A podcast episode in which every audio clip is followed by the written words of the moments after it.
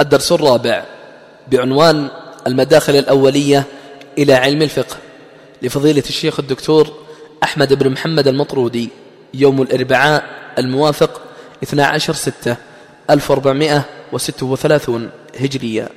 بسم الله الرحمن الرحيم. الحمد لله رب العالمين وصلى الله وسلم وبارك على عبده ورسوله نبينا محمد وعلى آله وصحبه أجمعين. اللهم علمنا ما ينفعنا وانفعنا بما علمتنا وزدنا علما يا كريم. اللهم ارزقنا الإخلاص في القول والعمل. أيها الإخوة في الله أيتها الأخوات في الله إن من نعم الله تعالى علينا جميعا أن يوفقنا لطلب العلم الشرعي وتحصيله. ولو لم يأتي من ثمرة هذا العلم لما جاء في حديث سهل بن سعد رضي الله عنه كما في صحيح مسلم أن النبي صلى الله عليه وسلم قال من سلك طريقا يلتمس فيه علما سهل الله له به طريقا إلى الجنة. ولفظ الطريق النكرة في سياق الشرط فتفيد العموم بمعنى أن طرق العلم متنوعة ولله الحمد وكثيرة. ومن طرق العلم هذه الدورات المباركة. ومن الأساليب دراسة العلم من خلال المقدمات والمداخل والممهدات لكل علم. فإن لكل علم اصوله ومقدماته التي ينبغي لطالب العلم أن يكون له نصيب منها حتى يعين حتى تكون من الأسباب المعينة له في فهم هذا العلم. فيما يتعلق بعلم الفقه كما هو معلوم ومن علوم الشريعة. وتكلم العلماء رحمهم الله تعالى عن هذه المقدمات من المتقدمين والمتأخرين. وفي بداية كل فن يحسن التعريف ببعض المصطلحات والأساسيات على سبيل الاختصار فمن ذلك تعريف الفقه. الفقه في اللغة هو الفهم وقد جاء في القرآن الكريم قول الله تعالى واحلل عقده من لساني يفقه قولي وقول الله تعالى ولكن المنافقين لا يفقهون قال تعالى فما لهؤلاء القوم لا يكادون يفقهون حديثا وأما في الاصطلاح والمقصود بالاصطلاح يعني عند أهل الفقه فالمقصود بالفقه هو العلم العلم بالأحكام الشرعية العملية. العلم بالأحكام الشرعية العملية. العلم بالأحكام الشرعية العملية من أدلتها التفصيلية. لما ننظر في محترزات التعريف قولنا الأحكام الشرعية هذا قيد في التعريف يخرج الأحكام غير الشرعية كالأحكام اللغوية وشتى المعارف الإنسانية. وقيد العملية ليخرج أحكام العقائد والتوحيد فليست عملية باعتبار. وإنما هي أحكام اعتقادية. وقيد أدلتها التفصيلية وهي الوجوب والندب والكراهة والإباحة والصحة والفساد. فهذا قيد لإخراج الأدلة الإجمالية التي هي منصبة في علم أصول الفقه كما سيبين لكم فيما يتعلق بمدخل علم أصول الفقه. وعلى هذا التعريف الاصطلاحي للفقه فلا يطلق اسم الفقيه على متكلم ولا محدث ولا مفسر ولا نحوي يهتم بعلم النحو بهذا الاعتبار. آه، من الأشياء المهمة هي معرفة الفرق بين علم الفقه وعلم أصول الفقه. وباختصار دورة قائمة على الاختصار أن أصول الفقه هي أدلة الفقه الدالة عليه من حيث الجملة. والفقه من حيث التفصيل. فمثلا دلالة حديث على مسألة النكاح بلا ولي يعتبر فقها وليس اصولا. والقاعدة التي يبنى عليها الدليل الذي دل عليه في هذه المسألة يعتبر من قبيل المسألة الأصولية. والفقيه هو عبارة عن من أصبح عنده دراية ومعرفة بغالبية الأحكام الشرعية الفرعية. سواء بالفعل أو بالقوة. والمقصود بالغالب الكثره هي أن الفقيه يكون ملم بجملة كبيرة من أبواب الفقه المنثورة في مسائل المنثور والمنثور مسائله فيها في أبواب كثيرة من أبواب الفقه. واسم الفقه في العصر الأول يطلق على علم طريق الآخرة. المتمثل على في العقيدة والعبادة. ثم إنه في الآونة الأخيرة أصبح علما مستقلا بذاته. وموضوع علم الفقه موضوعه يدور على أحكام أفعال المكلفين من حيث الاقتضاء والتخيير والوضع. أما حكم تعلم الفقه فهناك أحكام تكون من قبيل فرض العين فيما يتعلق بعبادة المسلم وما يجب عليه عمله فكل ما وجب عمله وجب العلم به. وأما بقية المسائل الأخرى فهي تدخل في فروض الكفايات. وسيأتي إن شاء الله مزيد تفصيل فيما يتعلق بمصادر بمصادر علم علم الفقه. بالنسبة لطريقة التدوين والدراسة لتاريخ الفقه الإسلامي حقيقة نجد أن الدارسين لتاريخ الفقه الإسلامي يقسمون هذه الحقبة التاريخية التي مر بها الفقه إلى عدة أقسام أقسام كثيرة. سنحاول أن نلخصها ونصوغها بأسلوب ميسر وإلا هناك تفصيلات وتفريعات في هذا المبحث فبعضهم يقسم أدوار الفقه إلى ستة وبعضهم يقسمها إلى أربعة وبعضهم يقسمها إلى آه، ثلاثة آه، أدوار أو أطوار. وهي باختصار بالنسبة للتشريع كما نعلم أنه بدأ من العصر النبوي التشريع النبوي. فالتشريع في عصر النبي صلى الله عليه وآله وسلم بدأ الفقه في عهده عليه الصلاة والسلام فكان المصدر الرئيسي للفقه هو الوحي لأن الوحي كان ينزل على النبي صلى الله عليه وسلم كما قال تعالى إن هو إلا وحي وما ينطق عن الهوى إن هو إلا وحي يوحى.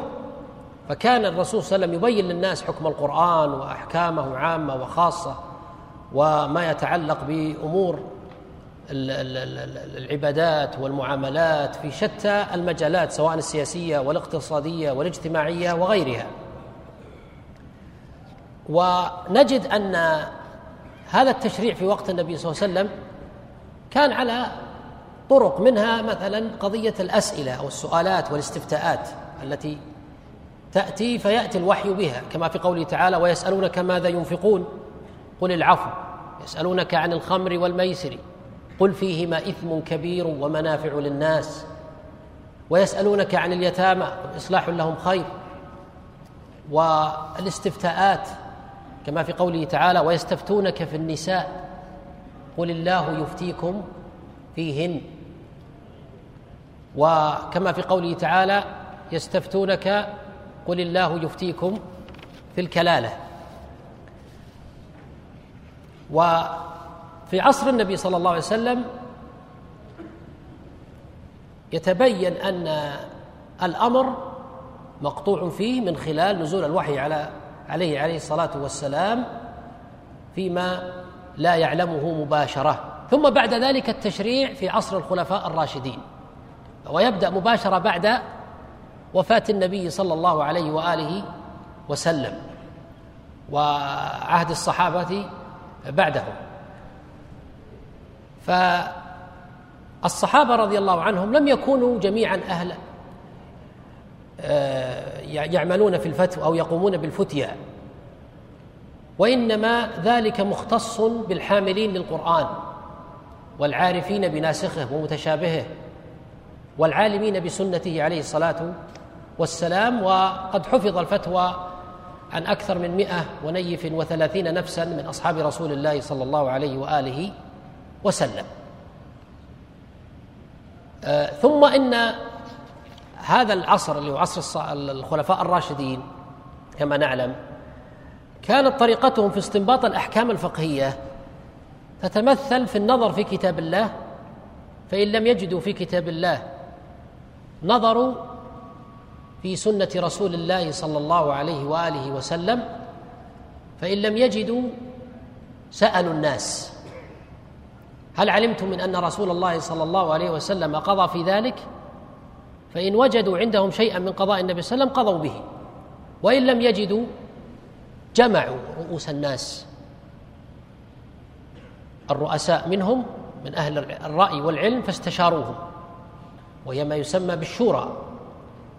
فإذا اجتمع رأيهم على شيء قضوا به. وهذا نظائره وأمثلته كثيرة.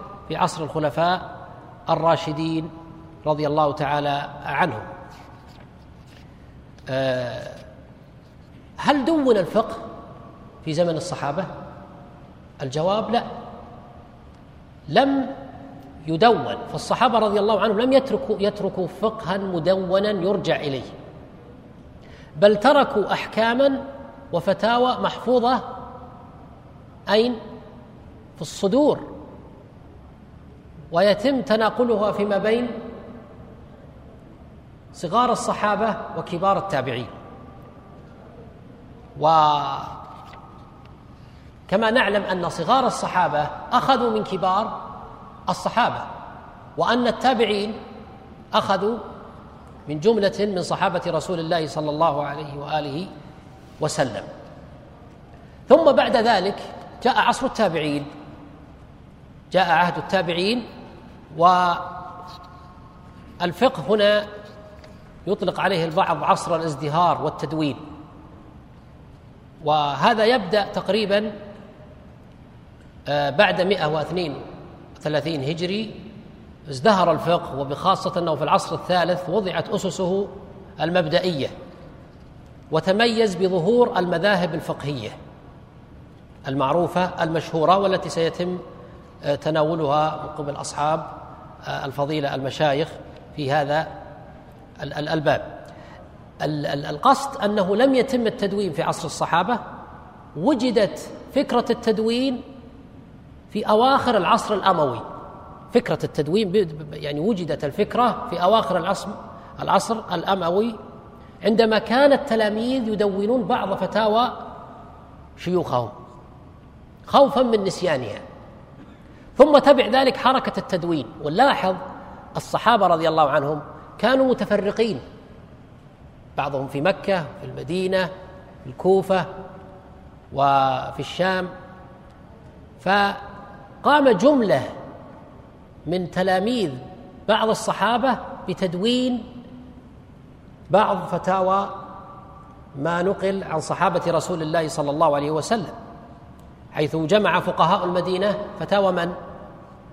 فتاوى عبد الله بن عمر وعبد الله بن عباس وعائشة وكبار التابعين كما فعل ذلك الإمام من؟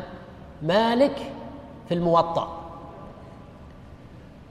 في العراق جمعوا فتاوى الإمام الصحابي الجليل علي رضي الله عنه وعبد الله بن مسعود وكبار التابعين كما فعل محمد بن الحسن الشيباني في كتاب الآثار.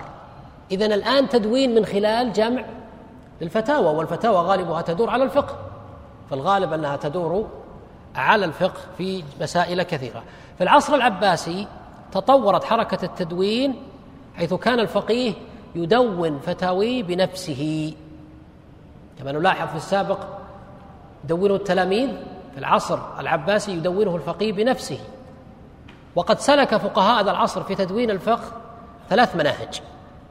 الأول تدوين الفقه مختلطا بالأحاديث وأقوال الصحابة. تدوين الفقه مختلطا بالأحاديث وأقوال الصحابة وأقوال الصحابة.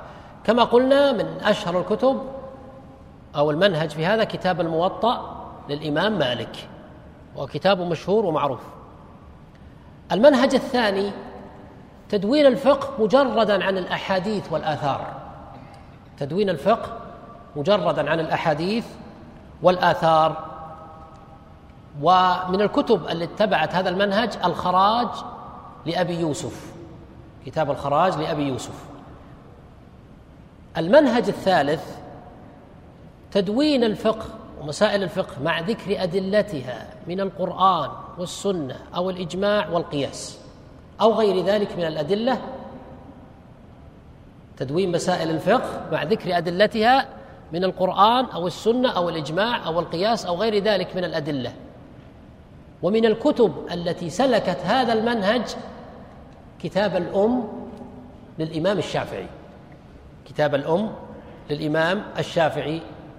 رحمة الله تعالى على الجميع. ويلاحظ أن الكتب التي دونت في هذا العصر تمتاز بسهولة العبارة ووضوحها. ثم آه، بعد ذلك آه، نشأت مدارس. ومن المهم لطالب العلم في الفقه أن يعرف ولو بشكل موجز المدارس التي نشأت بعد هذا الوقت. نشأت مدرسة أهل الحديث ومدرسة أهل الرأي.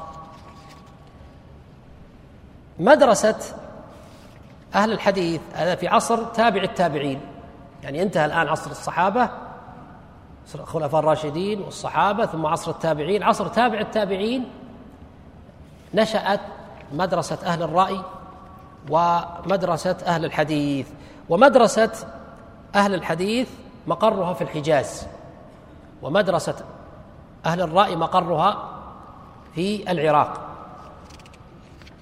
ولكل مدرسة ميزاتها. فميزة مدرسة أهل الحجاز أنهم كانوا يكرهون الأسئلة وفرض المسائل. تأسيا برسول الله صلى الله عليه وسلم في حديث لا تكتبوا عني ومن كتب عني غير القرآن فليمحه وحدثوا عني ولا حرج كما رواه الإمام مسلم. أيضا من ميزات مدرسة أهل الحجاز الاعتداد بالحديث والوقوف عند الآثار يعني يعظمون الأحاديث ويقفون عند الآثار وقد نشأ مدرسة الحديث المذهب المالكي والشافعي والحنبلي والظاهري. والمذهب الحنفي كما هو معلوم يغلب جانب الرأي. ولا يعني أنه يرد النصوص لكن غلب على هذه أو هذا المذهب هذه المدرسة وإلا هو من المذاهب المعتبرة. ومن أشهر الفقهاء في هذه المدرسة سعيد بن المسيب عروة بن الزبير و خارجة بن زيد وغيرهم آه، أما بالنسبة لمدرسة أهل الرأي كما قلنا هي هم أهل الكوفة الكوفة أين؟ ها؟ في العراق وميزة هذه المدرسة كثرة التفريع لفروع المسائل الفقهية وهذا التفريع يستفاد منه في المستجدات والنوازل بأن يلحق الجديد بنظيره. ولذلك المذهب الحنفي الحقيقة أنه أثرى الفقه بكثرة الأمثلة التي تسعف الباحث والمفتي وغيره في النوازل والمستجدات. إذا كثرة تفريعهم لفروع كثرة تفريعهم لفروع المسائل الفقهية. الأمر الثاني استخراج علل الأقيسة. ومحاولة ضبطها والتفريع عليها بتطبيق تلك العلل على الفروع الفقهية.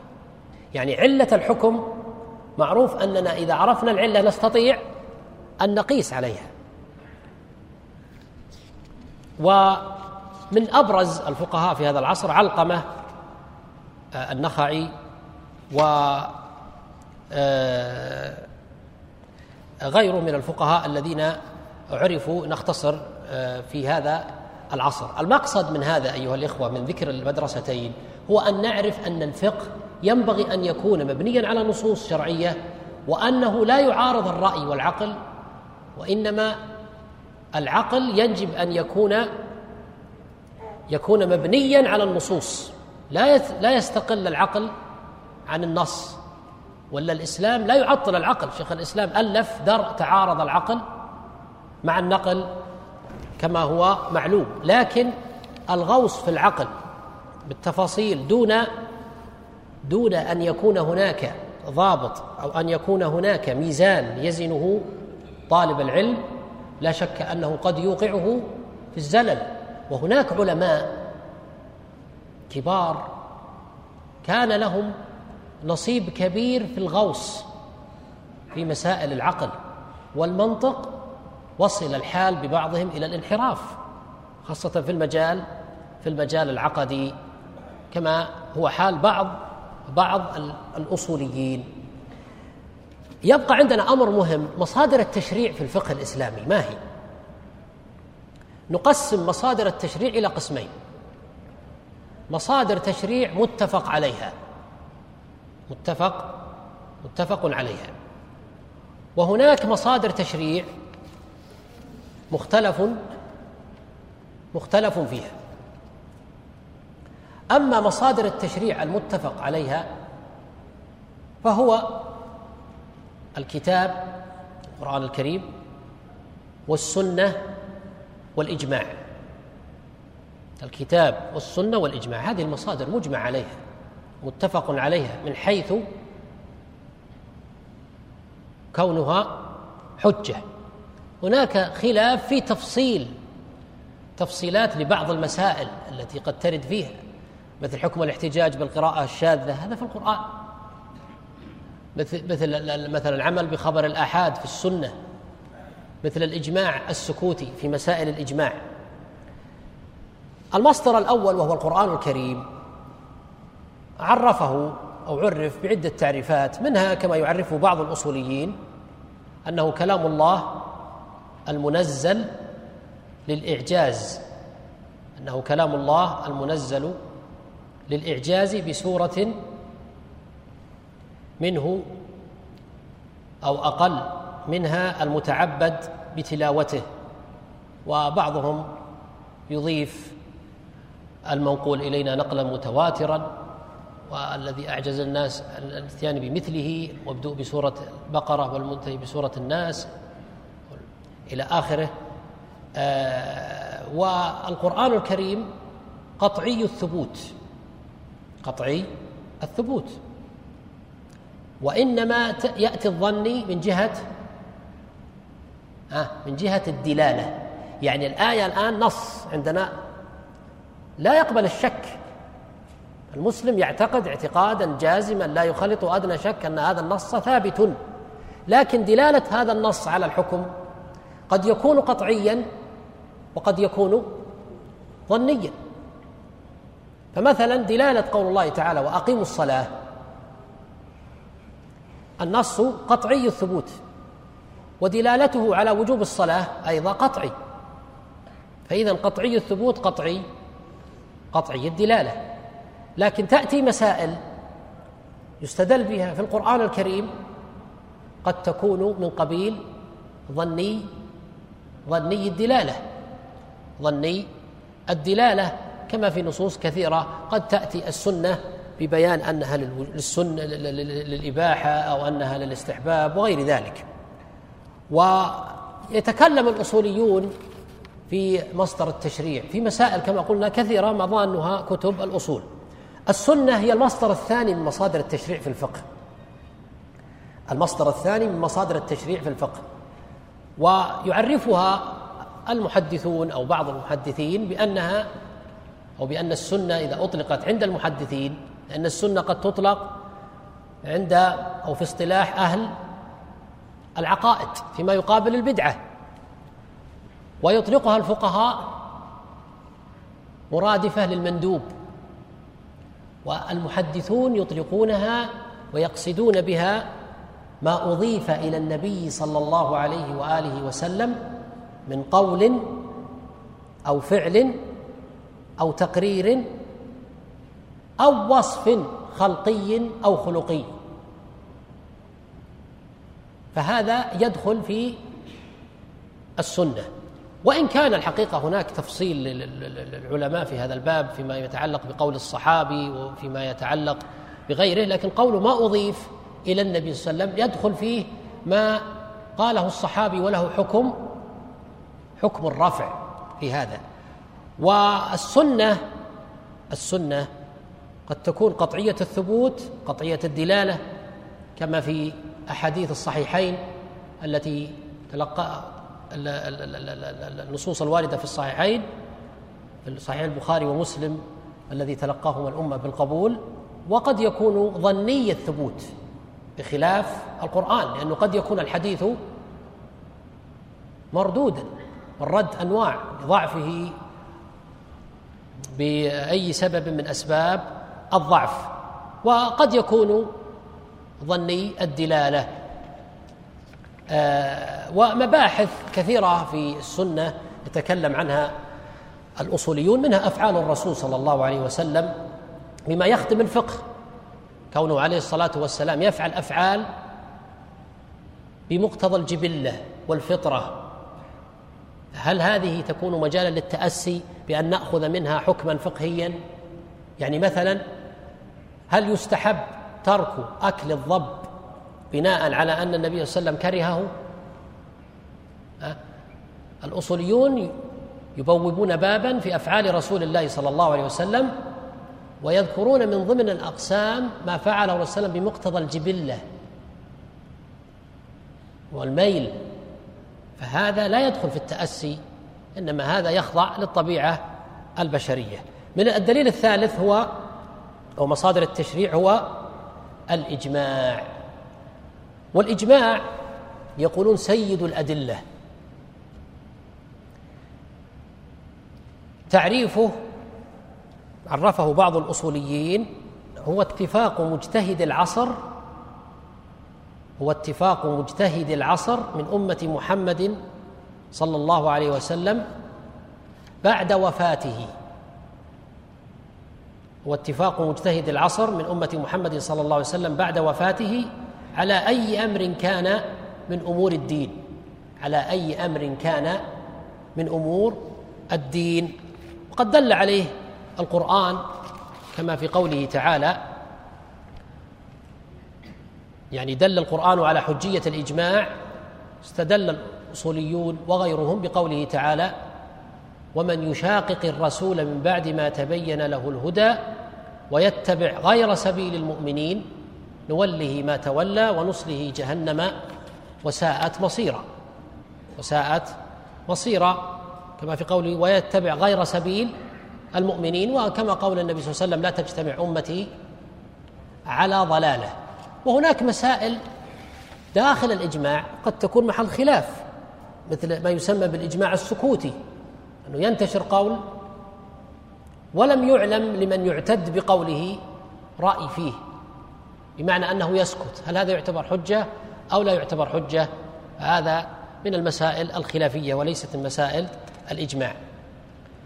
الواقع أن المصدر الرابع اللي هو القياس هو في الواقع ليس محل إجماع لكن الخلاف فيه ليس كالخلاف في بقية الأدلة التشريع الأخرى.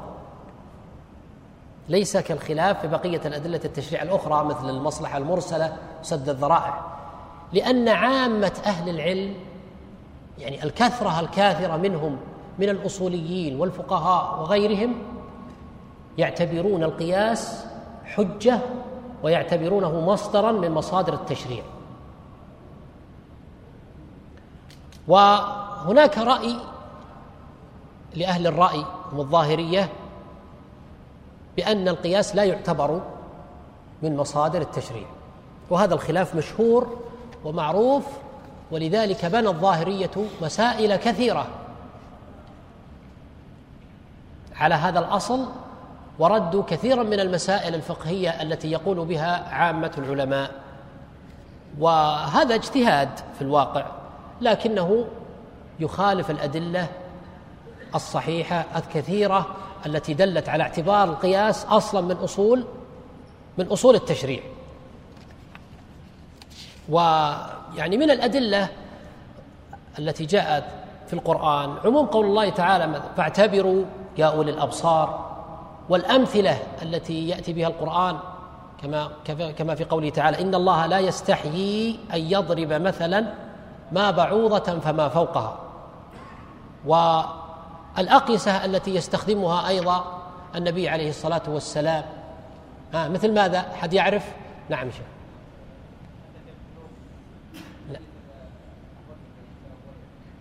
نعم نعم صحيح. وأيضا نعم في في الدين. أرأيت لو كان على أبيك أبيك دين أكنت قاضيته. وكذلك كما قال النبي صلى الله عليه وسلم وفي بضع أحدكم صدقة. قالوا يأتي أحدنا شهوته ويكون له أجر. قال أرأيتم لو وضعها في حرام؟ أكان عليه وزر. ويسمى بقياس العكس. وغيرها كثير مما يدل على اعتبار القياس مصدر من مصادر التشريع.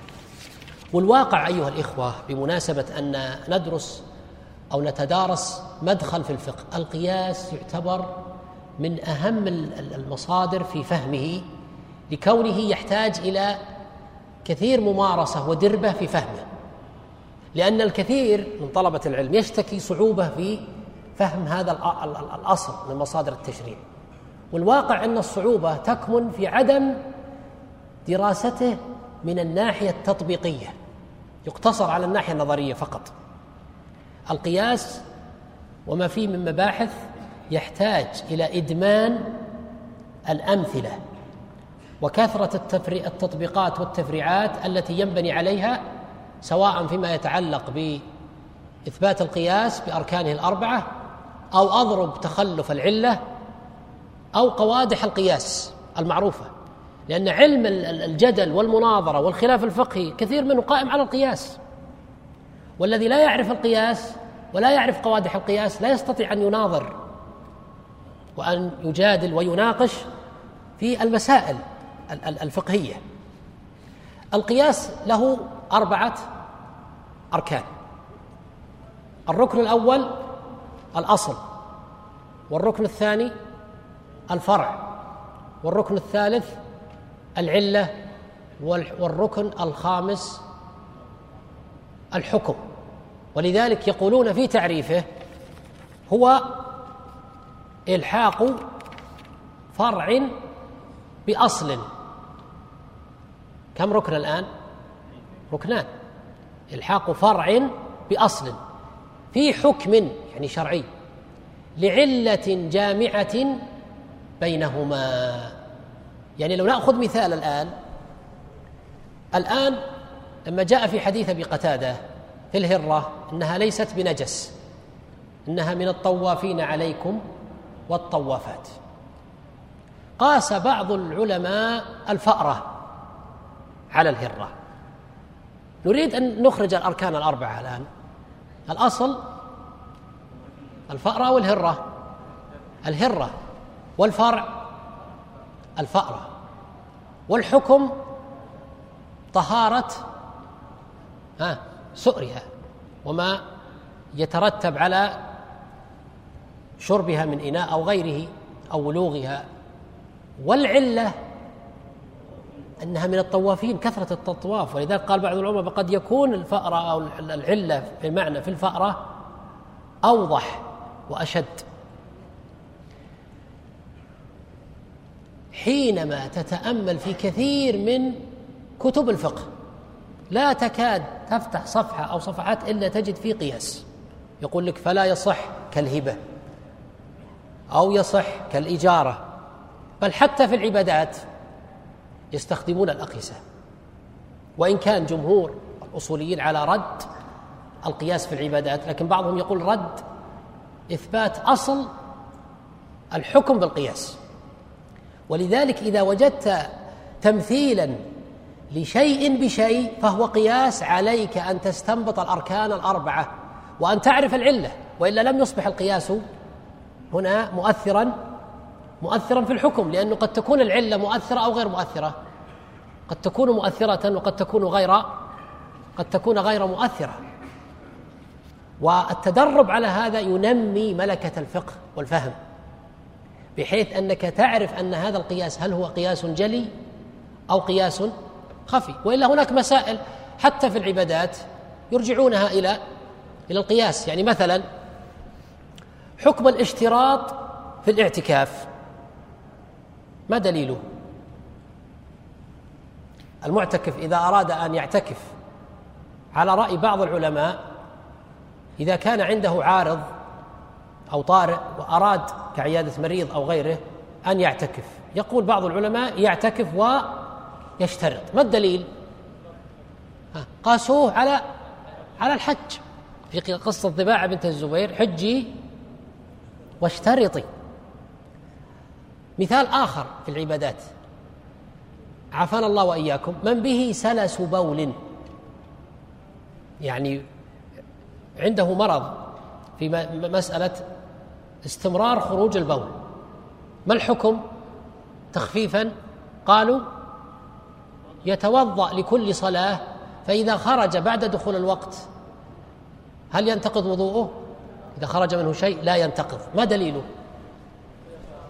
ما في دليل الواقع عليه إنما قاسوه على الاستحاضة. طيب لما ننظر في المعنى نجد أنه مشقة تكرار الوضوء. مشقة تكرار الوضوء وهكذا. من المسائل المعاصرة بعض العلماء يقول يجوز المبيت خارج منى للحاج على أن يكون في أقرب مكان إلى منى قياسا على آه اتصال الصفوف. وإن كان الحقيقة القياس في العبادات قليل. لكن يقول جمهور الأصوليين أن أصل إثبات القياس أصل إثبات الحكم بقياس لا يجوز هذا عند جمهور الأصوليين. أما في المعاملات فلا حصر له كثير كالبيع كالهبة كالإجارة كالرهن. فإذا جاء حرف كاف في الغالب التشبيه بالكاف أنه قياس. فأنت مباشرة تنمي ملكة الفهم والاستنباط تستخرج الأركان الأربعة وتنظر في العلة. هل هي مؤثرة؟ تقول بالحكم. وإلا وإلا فلا.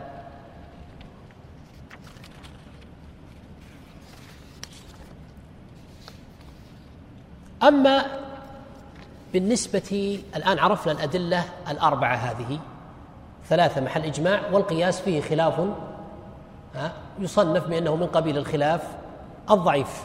هناك أدلة أخرى من المهم لطالب العلم أن يفهمها وهذه مضانها في أصول الفقه حتى لا يكون في شيء من التداخل مع ما سيشرحه المشايخ الفضلاء. نشير إشارة عابرة لمناسبته ولأهميته. هناك أدلة اصطلح على تسميتها بالأدلة المختلف بالأدلة المختلف فيها. وهذه الأدلة هذه الأدلة نجد أن الخلاف الفقهي مؤثر فيها من جهة أن صاحب المذهب أو من يقول بهذا الأصل أو هذا الدليل ينجر هذا إلى الفروع الفقهية التي التي تنبني عليه. بمعنى آخر أن هذه الأدلة المختلف فيها من البديهي والطبيعي أن من يقول بحجيتها سيبني عليها ها مسائل فقهية ولا لا؟ مثل مثلا سد الذرائع مثل الاستحسان. مثل شرع من قبلنا. ومن لا يقول بحجيتها فلا يبني أو لا يقول بالمسائل التي تبنى عليها. ولهذا من المهم معرفة أصل كل مذهب أو أصول كل مذهب كما سيبينه المشايخ أو بينوه لكم وحفظه وفهمه. ومن ثم تطبيقه. فتجد يقول ان الإمام أحمد لا يقول بهذا الأصل. الإمام مالك يقول بهذا الأصل. الإمام الشافعي يقول من استحسن أو بعضهم يقول من استحسن فقد شرع يعني يرد الاستحسان. مثلا الإمام مالك قد يرد سد الذرائع في بعض الأب في كثير من المسائل. وهكذا. هذه الأدلة منها الاستصحاب وشرع من قبلنا وقول الصحابي والاستحسان والمصلحة المرسلة وسد الذرائع والعرف والاستقراء والعرف والاستقراء. الحقيقة من الصعب أن نأخذ كل مع أهميته دليل من الأدلة المختلف فيها فنعرفه ونمثل له لكن نأخذ أوضح هذه الأدلة. قول الصحابي قول الصحابي أليست هناك مسائل فقهية لا حصر لها يستدل بها بفعل صحابي أو قوله؟ وهذا محل خلاف. لا شك أن الصحابة عدول وثقات لكن هل الصحابة هل قول الصحابي يعتبر حجة في التشريع؟ هذا محل خلاف. والخلاف أقوى في مسألة الخلفاء الراشدين لورود لورود دليل قول عليه الصلاة والسلام عليكم بسنتي وسنة الخلفاء الراشدين. إذا جاء قول صحابي في خلاف وتفصيلات للعلماء في هذا لكن خلاصة رأي كثير من المحققين أن قول الصحابي حجة بشرطين. ندون هذين الشرطين. أن قول الصحابي حجة بشرطين. الشرط الأول ألا يخالف نصا. ألا يخالف نصا. لأنه إذا خالف نص فالمقدم النص. والصحابي رضي الله عنه لا يظن به إلا كل خير لكن يبقى أنه بشر ربما أن النص لم يبلغه أو أنه بلغه ولكن لم يفهمه الفهم المراد. الشرط الثاني ألا يخالف قول صحابي آخر. ألا يخالف قول صحابي آخر. لأنه إذا خالف قول صحابي آخر احتجنا إلى الترجيح بينهما. احتجنا إلى الترجيح بينهما. نأخذ أمثلة على هذا. هي محل خلاف. مثلا الأخذ مما زاد على القبضة. في اللحية سواء في الحج وعلى رأي أو في غيره. هذا محل خلاف بين العلماء. لكن هو مبني على نص وعلى قول صح فعل صحابي. ما هو فعل الصحابي؟ فعل ابن عمر أنه يأخذ ما زاد على القبضة. الذين قالوا بعمومات النصوص التي جاءت بالإكرام وبالإرخاء أرخوا وفروا اعفوا هو رأي. قالوا إن العبرة بما روى لا بما رأى. لأنه ورد أنه بعض الأحاديث من رواية ابن عمر. العبرة بما روى لا بما رأى. وصحابي على العين والرأس كما يقال لكنه خالف بفهمه نصا. خالف بفهمه نصا. وبالتالي فهنا نقدم قول أو نقدم النص. نقدم النص. واضح ولا غير واضح هذا الآن؟ طيب. إذا خالف قول صحابي آخر هذا مسائل كثيرة. يكون هناك رأي لصحابي ولصحابي آخر. نحتاج إلى الترجيح بناء على على النصوص الشرعية. يبقى ما علاقة هذا الكلام في دراسة الفقه؟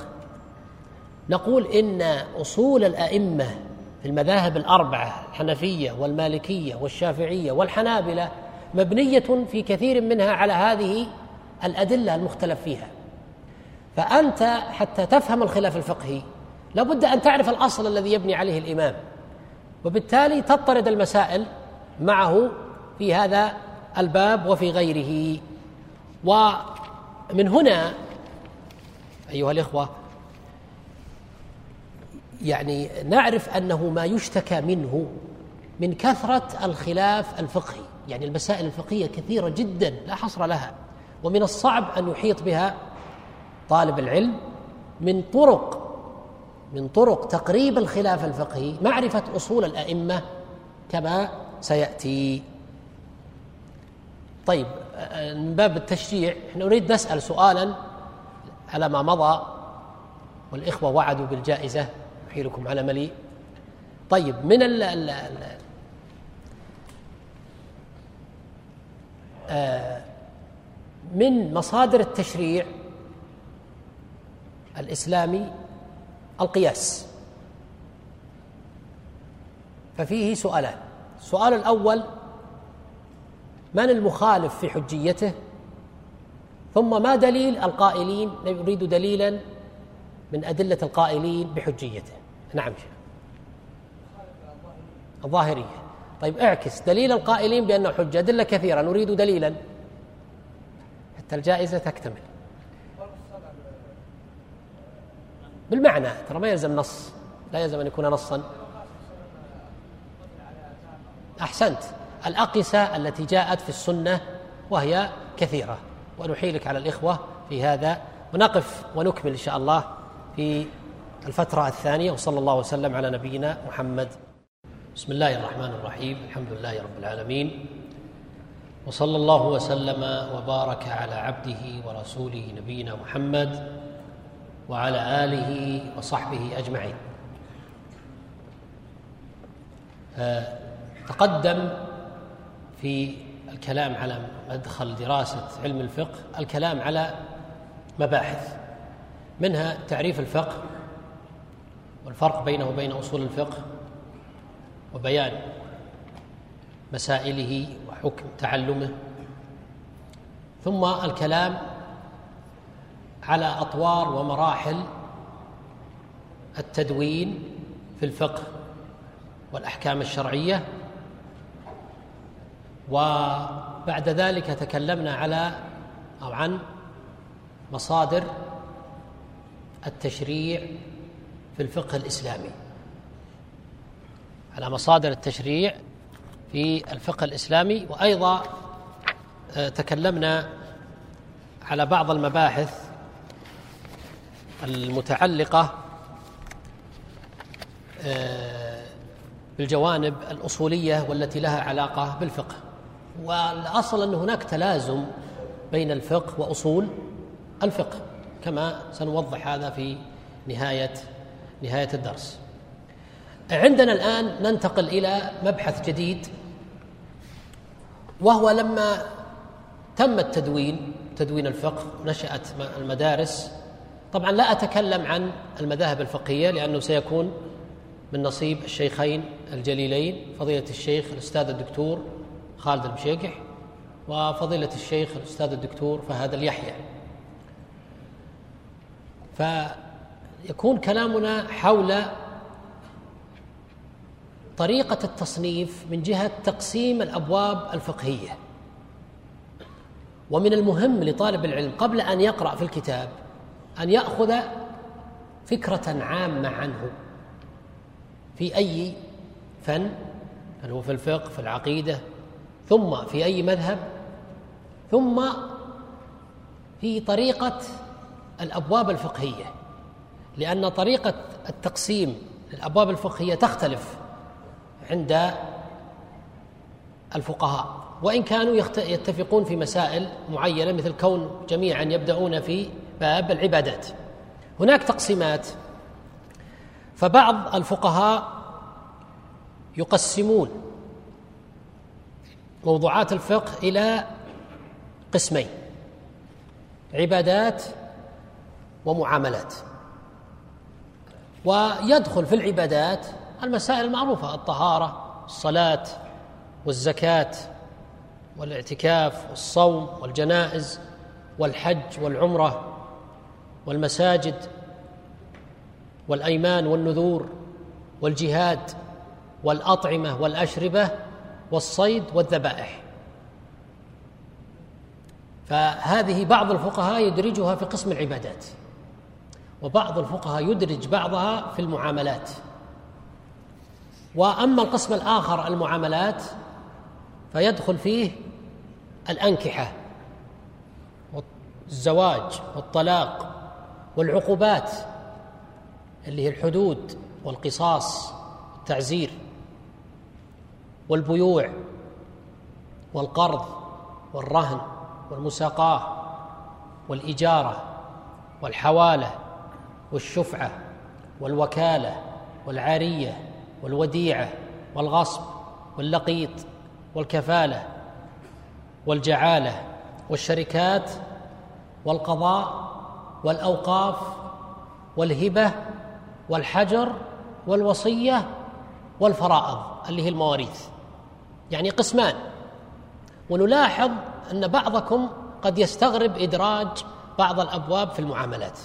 لأنه عند أو في كثير من المتون التي تدرسونها يختلف هذا التقسيم ولذلك بدأت به لنعرف أن أن التصنيف ليس على درجة واحدة. ولذلك إذا كنت تبحث عن مسألة من المسائل فلا بد أن تعرف طريقة المصنف حتى ترجع إلى الباب المناسب في مكانه.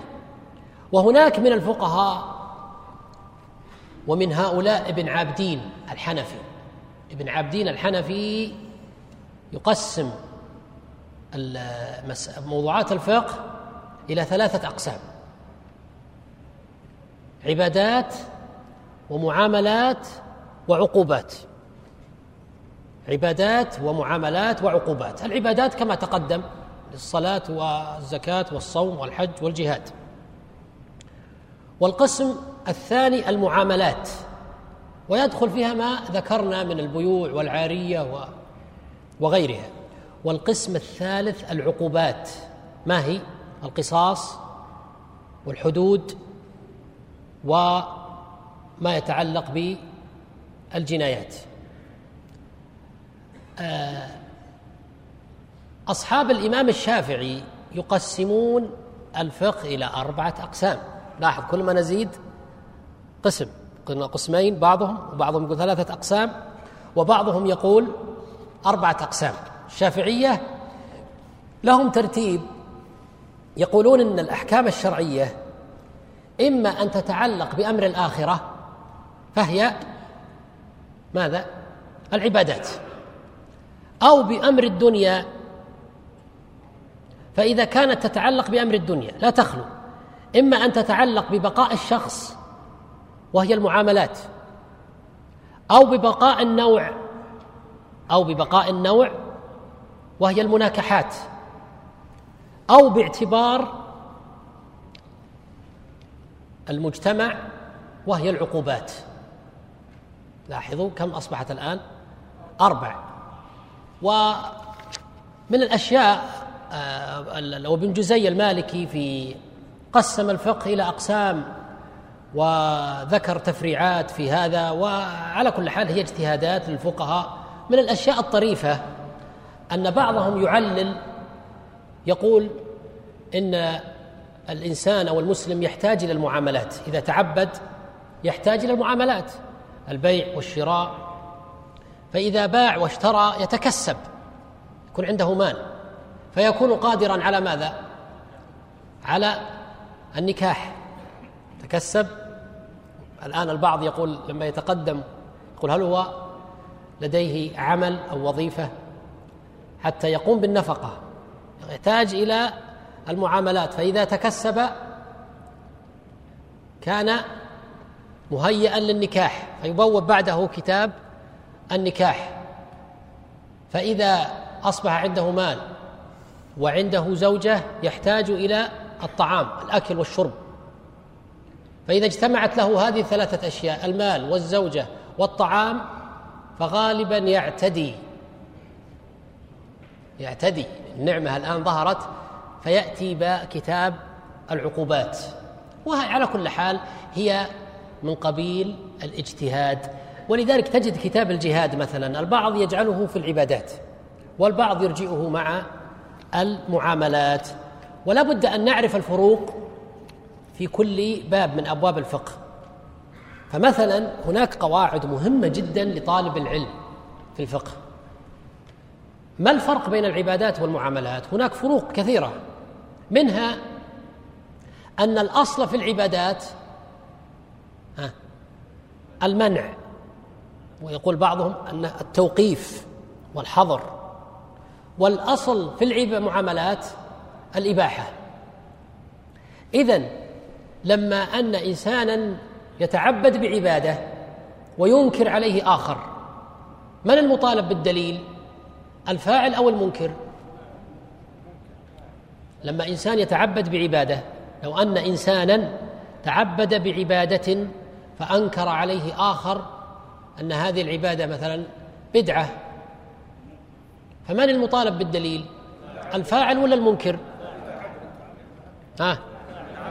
الفاعل لأن الأصل المنع. ولذلك كحوار علمي مؤصل لما ينكر عليه فيقول الفاعل ما دليلك على الإنكار؟ ماذا يقول له المنكر؟ يقول أنت ما دليلك على الفعل. لماذا؟ لأن الأصل المنع. ولذلك أحاديث الأحكام نجد أن الأحاديث أكثر من أحاديث المعاملات. لماذا؟ لأنها أفعال وأقوال. ولذلك النبي صلى الله عليه وسلم قال خذوا عني مناسككم صلوا كما رأيتموني. كان الرسول صلى الله عليه وسلم يفتتح كان الرسول صلى الله عليه وسلم إذا ركع آه، وهكذا لكثرتها تكون أكثر. بينما في المعاملات نهى الرسول صلى الله عليه وسلم عن الغرر عن المزابنة عن البيع الرجل على بيع أخيه يعني هي مثابة القواعد. في المعاملات من المطالب بالدليل؟ لما يتعامل رجل بمعاملة وينكر عليه آخر المطالب بالدليل الفاعل أو المنكر؟ المنكر لأن الأصل الإباحة. ولذلك إذا أنكر رجل على آخر معاملة ما وقال الفاعل ما دليلك؟ لا يقول المنكر ما دليلك أنت على الفعل يقول دليل الأصل. ومن هنا يكون الحوار راقيا مبنيا على أصوله العلمية. من المباحث المهمة تقسيم أيضا الفقه باعتبار المعاني خاصة في المعاملات.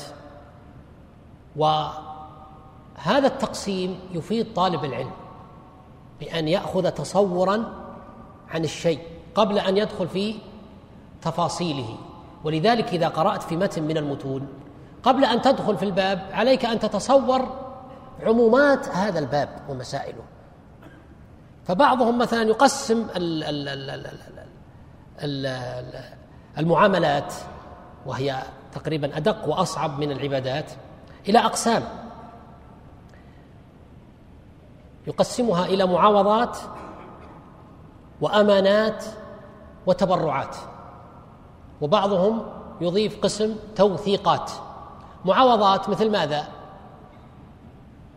معاوضات مثل البيع والإجارة والأمانات مثل الودائع والعواري يعني العارية والتوثيقات مثل الرهن والكفالة والضمان والتبرعات مثل الهبة. الهبة تبرع. طيب لو قال قائل ما فائدة هذه التقسيمات؟ هذه التقسيمات تعطيك انطباعا عاما تنطلق منه كقواعد وتأصيل. مثلا المعاوضات يشدد فيها. لماذا يشدد فيها؟ لأنها معاوضة بيع إجارة البيع سلعة مقابل تملك هذه السلعة تدفع ثمنا. للبائع يدفعه المشتري. إجارة المستأجر يتملك المنفعة ولا يتملك العين. والمؤجر يأخذ قيمة الأجرة فهي معاوضة يشدد فيها. هل يصح بيع المجهول؟ لا معاوضة. لكن في التبرعات يتسامح فيها. هل يصح هبة المجهول؟ نعم. إذا هذا التقسيم يفيد ويقرب كمدخل للأبواب. آه، من الأشياء التي يهم التذكير بها أن التصنيف في الفقه على اقسام تصنيف في المذاهب الفقهية الحنفي والمالكي والشافعي والحنبلي وهذا سيتكلم عنه المشايخ في هذه الدورة المباركة. يبقى نضيف إلى هذا. هناك كتب تعتبر من قبيل الفقه المقارن يعني فقه الخلاف. وإن كانت في بعضها تنتمي إلى مذهب معين. فمثلا المغني لابن قدامة المغني المغني لابن قدامة يعتبر من قبيل الفقه المقارن. وإن كان هو في مذهب الحنابلة لأنه يذكر الخلاف الفقهي. والأدلة ويناقش أدلة القول المرجوح من وجهة نظره. إذن المغني لابن قدامة. الثاني كتاب المجموع للنووي. المجموع للنووي. في المذهب الشافعي لكنه يعتبر من قبيل الفقه المقارن فهو يقارن بين المذاهب. وهل أكمله رحمه الله؟ اخترمته المنية عند أي باب؟ ها؟ باب الربا. ولذلك ينتبه طالب العلم فلا يعزو للإمام النووي من خلال المجموع ما بعد هذا الباب فهو أكمله المطيعي ثم أكمله السبكي. ولكن يعتبر من الكتب الفقهية في الفقه المقارن. أيضا من كتب الفقه المقارن بداية المجتهد لابن رشد. بداية المجتهد لابن رشد. بداية المجتهد لابن رشد. وإن كان لا يذكر المذهب الحنبلي. من كتب الفقه المقارن أيضا الاستذكار. لابن عبد البر. وهو مالكي لكنه يذكر المذاهب الفقهية.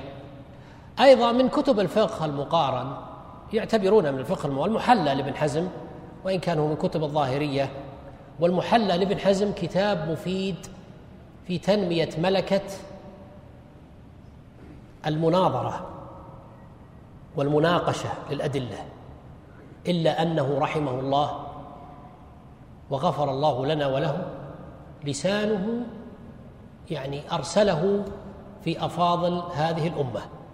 فطالب العلم ينتبه حتى لا يكون عنده جرأة مخلة فيخرج عن الأدب مع أهل العلم. ولذلك يقول اتقي سيف سيف الحجاج ولسان لسان ابن حزم. وإن كان رحمه الله هو خلف علما لكن يبقى أنه بشر وأنه لا يوافق على عباراته وعلى الغلظة والشدة مع مع المخالف رحمه الله. من أيضا كتب الفقه المقارن المحلى عفوا الحاوي الحاوي في الشافعي يعتبر في الفقه المقارن للإمام الماوردي. أما عند هذا عند المتقدمين من كتب الفقه المقارن عند المعاصرين يعني هناك اجتهادات. يعني في كتاب فقه السنة للشيخ سيد سابق يعني كتاب يهتم بالفقه المقارن. يعتبر كتاب الشيخ محمد بن عثيمين الشرح الممتع. يعتبر من قبيل الفقه المقارن لأنه يذكر الأقوال ويذكر الأدلة والترجيح في هذا. آه، الفقه الظاهري اللي هو مذهب الظاهرية يعني فيه كتب أهمها ثلاث كتب. المحلى لابن حزم والثاني كتاب الأصول والفروع كتاب الأصول والفروع لابن حزم. والثالث مراتب الإجماع في العبادات والمعاملات والاعتقادات لابن حزم أيضا. هناك من المهم لطالب العلم في الفقه أن يعرف أن هناك كتبا صنفت تخدم الفقه تخدم الفقه. واجتهدت في ترتيبها حسب حاجة الباحث أو طالب العلم. منها كتب ألفت في لغة الفقه يعني المصطلحات الفقهية. أحيانا أنت تريد أن تعرف مصطلح من المصطلحات. ما معناه عند الفقهاء؟ ليس عند غيرهم. فهناك كتب متخصصة في لغة الفقه. من أهمها كتاب المصباح المنير. للفيومي. كتاب كتيب المصباح المنير للفيومي. أيضا كتاب طلبة الطلبة. كتاب طلبة الطلبة للنسفي أيضا كتيب جلد ومنها أيضا أنيس الفقهاء للقونوي. أنيس الفقهاء للقونوي. ومنها أيضا المطلع على أبواب المقنع للبعلي. المطلع على أبواب المقنع للبعلي. هذا يفيد طالب العلم في معرفة المصطلحات الفقهية. إذا كان يريد أن يبحث مسألة لا بد أن يعرفها فيرجع إلى لغة الفقهاء. لأنه من الخطأ أن تأخذ من غير المتخصص. الآن إذا اشتكى مشتك من مرض إذا كان بالعين هل يذهب إلى طبيب العظام؟ وإن كان طبيبا. وكذلك الحال في العلوم الشرعية المتخصصون تخصصا دقيقا هم أولى بصنعتهم. فتأخذ من كل فن في من أهل صنعته وتخصصه. فلا تأخذ مثلا تعريف فقهي وتأخذه من كتب التفسير مثلا. أو وإن كان آه، في بعض المباحث هناك مصنفات كما في غريب كما في غريب الحديث وغيرها. من أيضا المهم لطالب العلم أن يعرف كتب التي تعنى بعلم الفروق الفقهية. علم الفروق الفقهية. وعلم الفروق من وجهة نظري علم ضعيف من جهة تعليمه وتدريسه سواء في المؤسسات التعليمية في الجامعات أو في المساجد. وفي موجود لكنه ليس على المستوى المأمول لأن له اثرا في فهم الفقه علم الفروق. ما المراد بالفروق؟ الفقهية. يعرفها بعضهم بأنها عبارة عن العلم ببيان الفرق بين مسألتين فقهيتين. عبارة عن العلم ببيان الفرق بين مسألتين فقهيتين. متشابهتين صورة مختلفتين حكما. متشابهتين صورة مختلفتين حكما. وقد صنف في هذا مصنفات. فيه مصنف طويل يعني فيه مسائل أو فروق كثيرة وفي مصنف قصير في مصنفات في هذا كثيرة. منها كتاب الفروق للقرافي. هذا يعتبر أصل في باب الفروق. كتاب الفروق للقرافي المالكي يسمى مسمى أو اشتهر بتسميته أنوار البروق في أنواع في أنواع الفروق. أنوار البروق في أنواع الفروق للقرافي. وهناك كتاب لطيف الفروق والتقاسيم النافعة. للشيخ عبد الرحمن بن سعدي. جيد في هذا الباب. من العلوم التي يحتاجها طالب علم الفقه هذا سنشير إلى الفروق في نهاية الدرس في تكوين الملكة وهو يعتبر أهم مبحث سنتكلم عنه. آه، كتب تعنى بالآداب الشرعية. يعني هناك مسائل فقهية تتعلق بالآداب. مثلا مسائل تتعلق بأدب الطعام. وآداب الشرب كيف تبدأ؟ هل تبدأ باليمين؟ وكيف التفصيل في مسألة اليمين؟ هل هو اليمين من قبل من يقوم بعملية صب الإناء أو من قبل الجالس؟ وتفصيل الفقهاء في هذا. هناك كتب مختصة في الآداب في أبواب كثيرة في الأكل في الشرب في الكلام في السلام في النوم في غيرها. منها هناك منظومة جميلة منظومة لمن يعشق النظم ويرغب في حفظه. منظومة الآداب منظومة الآداب لابن عبد القوي ابن بدران. منظومة الآداب لابن عبد آه، لابن لمحمد ابن عبد القوي ابن بدران. هذه المنظومة شرحها الشيخ محمد السفاريني في كتاب أسماه غذاء الألباب. غذاء الألباب شرح منظومة الآداب. وهي مرجع كما قلت في مسائل كثيرة تتعلق بالآداب. أن تريد أن تعرف أحكام السلام. كيف تسلم ولفظ السلام والخلاف.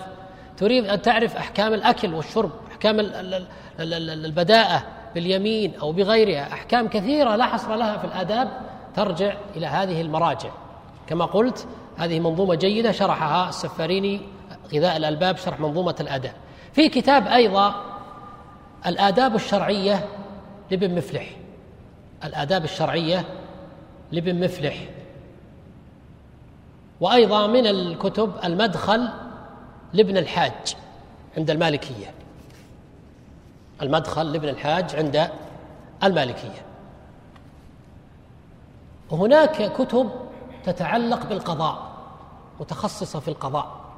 كثيرة أنا نحاول نختصر للوقت لكن من أهمها كتاب الطرق الحكمية. لابن القيم.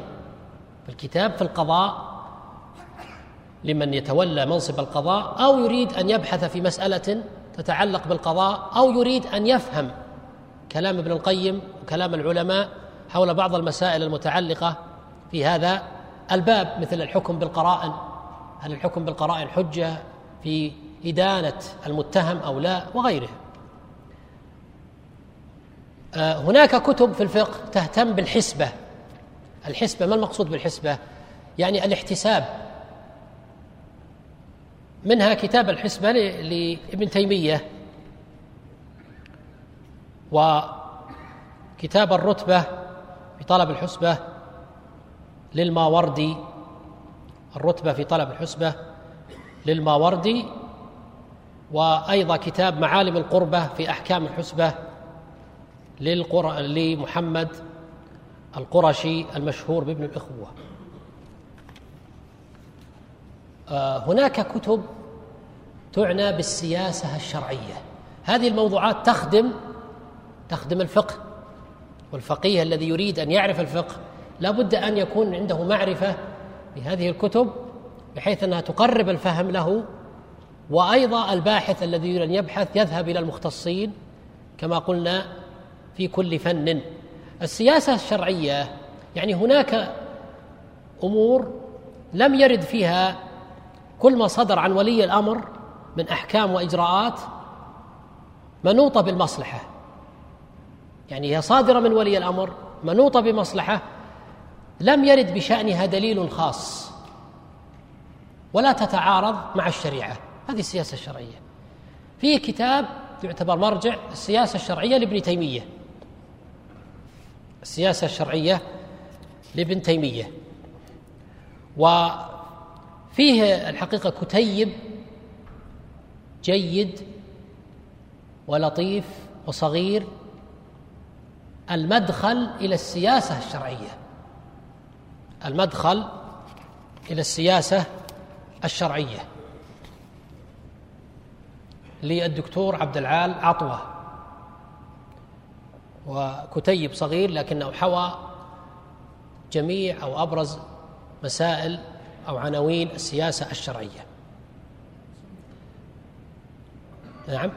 المدخل إلى السياسة الشرعية لعبد العال عطوة المؤلف.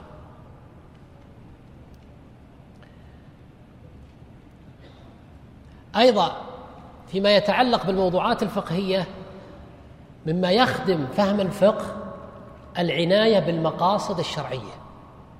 المقاصد الشرعية. ما هي المقاصد الشرعية؟ هي ما رعاه الشارع في التشريع. ما راعاه الشارع في التشريع عموما وخصوصا من مصالح للعباد. من مصالح للعباد ومما يفضي إليها مما يجلب نفعا أو يدفع ضررا. هي مما أو ما رعاه الشارع في التشريع عموما وخصوصا من مصالح للعباد ومما يفضي إليها مما يجلب لهم نفعا أو يدفع عنهم ضررا.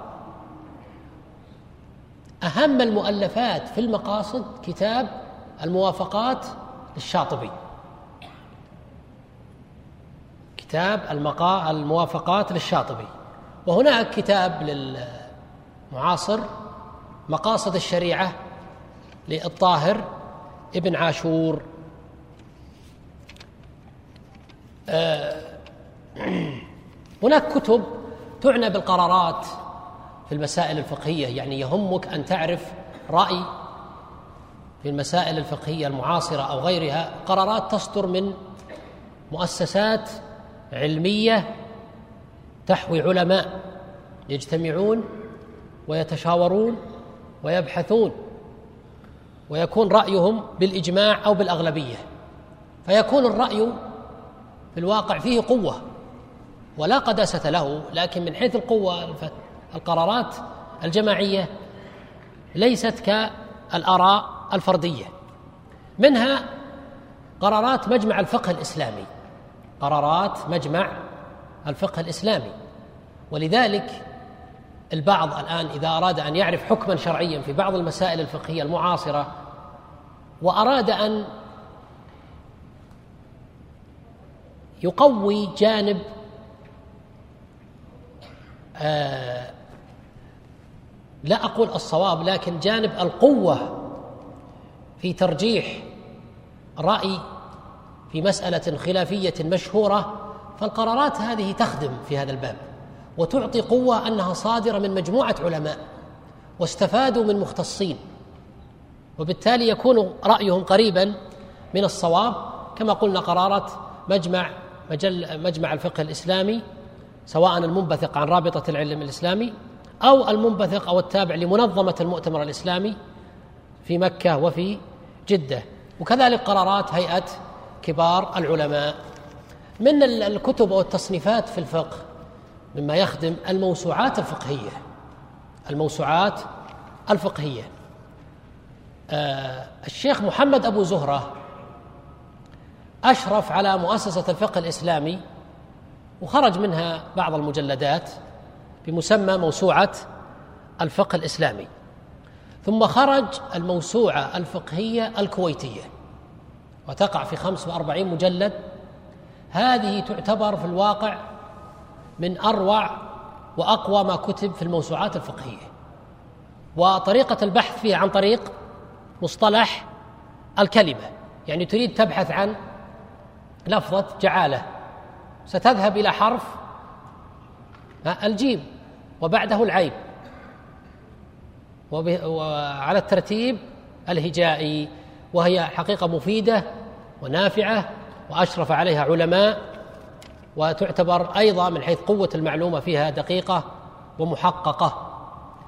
أختم الحقيقة بالنسبة للكتب بما يتعلق بالحاسب الآلي وما يخرج من إصدارات تتعلق بما يسمى بالسيدي هناك إصدارات كثيرة لكن من أبرز ما خرج في الفقه جمع بين التأصيل العلمي حيث قام به علماء والدقة في النقل من الكتب المعتمدة وأيضا البراعة في طريقة البحث هو جامع الفقه الإسلامي والذي قام بإنتاجه شركة حرف.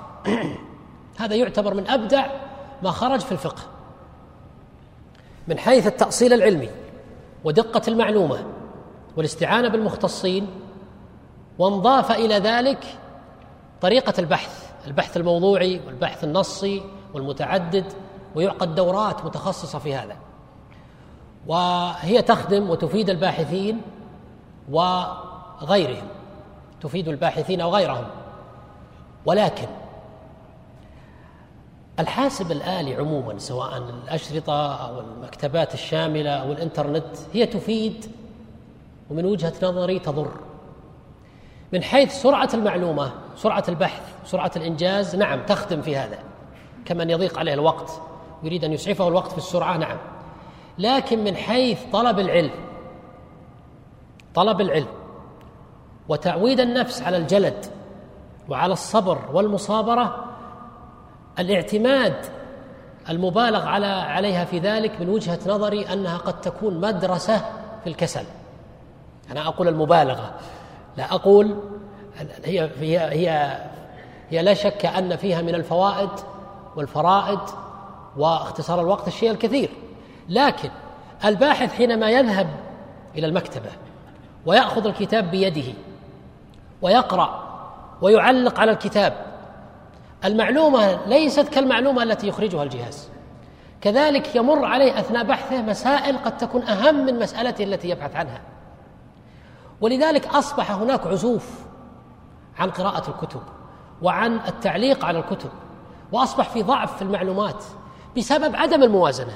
طالب العلم يتوازن لا يطغى جانب الحاسب على جانب القراءة والتعليق وفهم كلام العلماء بالطريقة المعروفة التي يسلكها.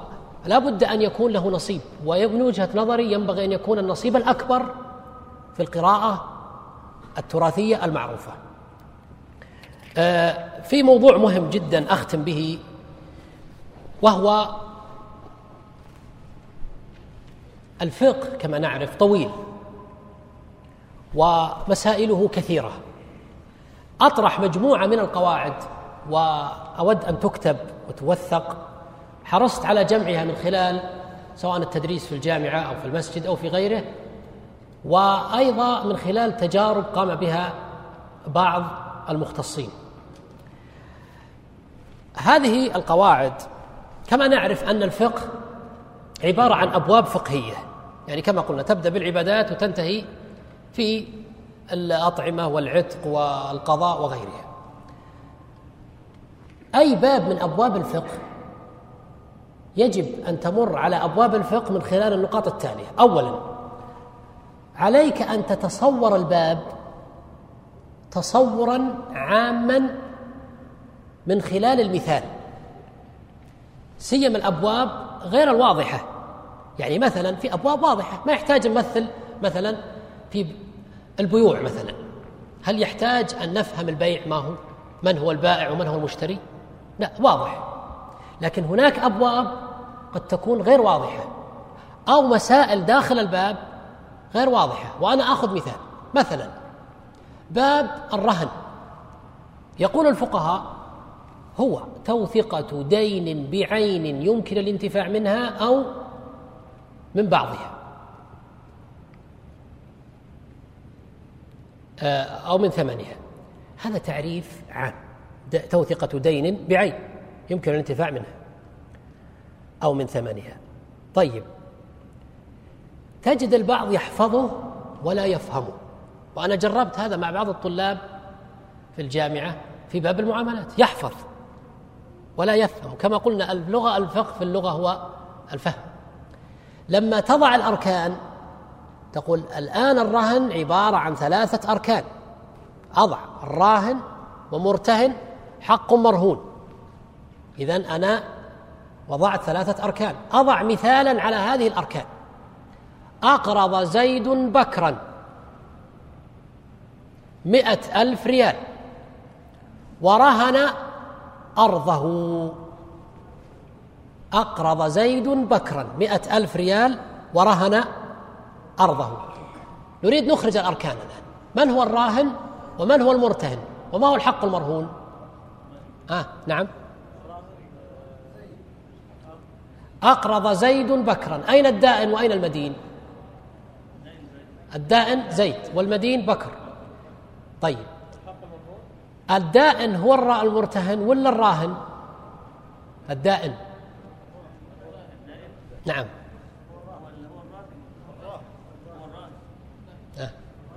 الراهن أو المرتهن. الدائن. ها كلكم تتفقون على هذا؟ أقرض زيد بكرا. الآن الدائن زيد هل زيد هو الراهن؟ ها لا مرتهن. الدائن هو المرتهن ولا لا؟ والعكس المدين هو الراهن. فيكون زيد هو المرتهن ويكون بكرا هو الراهن. وتكون الأرض العين المرهونة. وممكن تضع هذا باللون هذا باللون الأزرق وكونك أخرجت النتيجة باللون الأحمر ستجد إنك ستفهم الباب. هذا الآن الصورة واضح؟ التصور من خلال المثال. والأركان. وقل مثل ذلك مثلا في السلم. قل مثل ذلك في الشفعة. وأيضا بعض المسائل داخل الأبواب. كيف تعرف مثلا قتل العمد؟ من خلال المثال. كيف تعرف مثلا بيع العينة؟ من خلال المثال. وهكذا. القاعدة الثانية معرفة الحكمة من التشريع. الحكمة من التشريع لأن لها اثرا في الحكم. ولذلك يعبر الفقهاء حينما يمنعون من بعض الصور يقول ولأنه يتعارض مع الحكمة التي من أجلها شرعت ولا لا؟ هذا مهم أن تعرف الحكمة. في أبواب واضحة. هل تريد تعرف حكمة الإجارة؟ واضح. حكمة البيع؟ واضح. لكن الحكمة من السلم. تبدأ بالأركان ثم تنتقل للحكمة. كيف يستفيد الركن الأول والركن الثاني والمجتمع؟ الشفعة الشريك والبائع وهكذا. الثالث معرفة الفروق الفقهية بين الأبواب والمسائل. هناك أبواب ولذلك الآن البعض يقول المعاملات مثلا صعب أو الحدود والجنايات صعب لأنه فيه تداخل. التداخل يدفع من خلال معرفة الفروق. مثلا هناك تداخل وتشابه بين الإجارة والجعالة. أليس البعض الآن يأتي بعامل يريد أن يعمل عملا في شيء؟ يقول تريد أن تقوم بعملية معالجة الإنارة من خلال كذا وكذا بسعر كذا وكذا. هذا يعتبر من قبيل الجعالة. فكيف تفرق بينه وبين الإجارة من خلال الفروق التي يذكرها الفقهاء؟ الرابع معرفة سبب الخلاف. معرفة سبب الخلاف. وسبب الخلاف الخلاف الفقهي طويل. وسبب الخلاف أحيانا يكون عبارة عن نصف سطر عن نصف سطر. وأكثر من يشير إليه ابن رشد في بداية المجتهد. وقد جمع بعضهم الخلافات أو الأسباب الخلاف في مجلدين لطيفين بعنوان الجامع المفيد في أسباب اختلاف الفقهاء عند ابن رشد الحفيد. جمع أسباب خلاف الفقهاء من الناحية التطبيقية وإلا أسباب اختلاف الفقهاء بحث من الناحية النظرية. سبب اختلافهم مثلا تعارض مثلا آه، كما قلنا الأدلة المختلف فيها ثبوت الحديث إلى آخره. فلا بد من معرفة سبب الخلاف قبل الدخول من الحقيقة الأشياء المهمة أن تعرف الآيات والأحاديث العمد في كل باب. تأخذ أبواب الفقه فتأخذ أهم الأدلة. فإذا أخذت الدليل تقوم بعملية شرح معنى الغريب فقط دون أن تدخل في تدخل في التفاصيل. يعني معاني كلمات. فمثلا في الآيات يرجع إلى تفسير الجلالين. في بعض الآيات في المعاملات آية الدين مثلا تأخذ آية الدين فقط معاني كلمات. ستجد أنك ستخرج بتأصيل في هذا الباب. في الحدود والجنايات وما كان المؤمن يقتل مؤمن إلا خطأ. تقرأ الآية ومعاني كلمات. وخرج كتاب أخير أخيرا لشيخنا الشيخ محمد بن عثيمين الإلمام ببعض آيات الأحكام. الإلمام ببعض آيات الأحكام. وكتاب يضع معاني الكلمات ثم المعنى الإجمالي. فتخرج بفوائد قبل أن تدخل في تفاصيل الخلاف الفقهي والمسائل. وقل مثل ذلك في الأحاديث. ترجع إلى معاني كلمات الأحاديث العمد في كل باب. ما هو الحديث العمدة في باب السلم؟ ما هو الحديث العمدة في باب القصاص؟ ثم تقوم بعملية تشكيل معاني الكلمات فتنطلق من هذا الباب قبل أن تدخل في التفاصيل. من التأصيل أيضا الاستفادة من المختصين الشرعيين مثلا القضاة. أن تريد أن تتعرف على الأحكام في الأنكحة في المعاملات في الجنايات فالقاضي يعطيك قضايا توضح لك الواقع. الاستفادة أيضا من المختصين غير الشرعيين. وهذا مع الأسف مغفول عنه. أنا أريد أن أسألكم سؤالا. ألا يمر مسألة بنت لبون وحقة وجذعة؟ يمر في أي باب؟ في الزكاة وأيضا في باب؟ ها يا شيخ ألبان. الجنايات في الديات. طيب هل نحن نستطيع أن نتعرف على ابن لبون ونحن في المسجد؟ وبنت اللبون والحقة والجذعة؟ هذا مكانه في سوق الإبل وفي سوق الغنم. والفقه أن تذهب وتلتقي بالمختص ويشرح لك من خلال الأسنان. هذا الفقه هذا الفهم هذا التطبيق. وقل مثل ذلك مثلا في سوق الذهب. صاحب محل الذهب يشرح لك العيار. يقوم بشرح العيار والجرام وما معنى التساوي. والمزارع يشرح لك نضج الثمرة قبل بدو صلاحها. يشرح لك السلم. يشرح لك الشفعة لأنه يمارس هذا. من القواعد أيضا الاهتمام بالمناقشة الجماعية في مسائل الفقه. وهناك أبواب سواء فيما بين طلبة العلم في المسائل المؤصلة والمسائل التي تحتاج إلى طلبة علم. أما في المجالس العامة فيستفيد طالب العلم بمراجعة العلم وحياة العلم مذاكرته عن طريق بعض الأبواب التي تنمي ملكة الفهم. مثلا لو ذكرنا المحرمات في النكاح في مجلس عام تزوجت امرأة وأنجبت ولدا ثم طلقتها ثم تزوج زوج آخر هل أولادها يحلون للأول؟ ستجد أن أن هناك التفكير سيكون آه ساخنا وسيحفظ به الوقت في كتاب الرضاع وما يتعلق بالمحرمية وكيف تنتشر. وقل مثل ذلك في المعاملات. أنا بعت عليك. هذا مما يقرب علم الفقه. أيضا مما يعين على تدريب مهارة فهم الفقه مع العناية بالتقسيمات. أن تقسم تقول ينقسم الباب الفلاني إلى قسمين وكل باب ينقسم إلى قسمين. فهذا التقسيم والتشجير يقرب الفهم يقرب الفهم.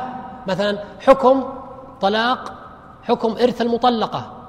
الطلاق لا يخلو إما أن يكون بائنا أو رجعيا. والرجعيا إما أن يكون في حال مرض أو حال صحة. والمرض إما أن يكون مخوفا أو غير مخوف.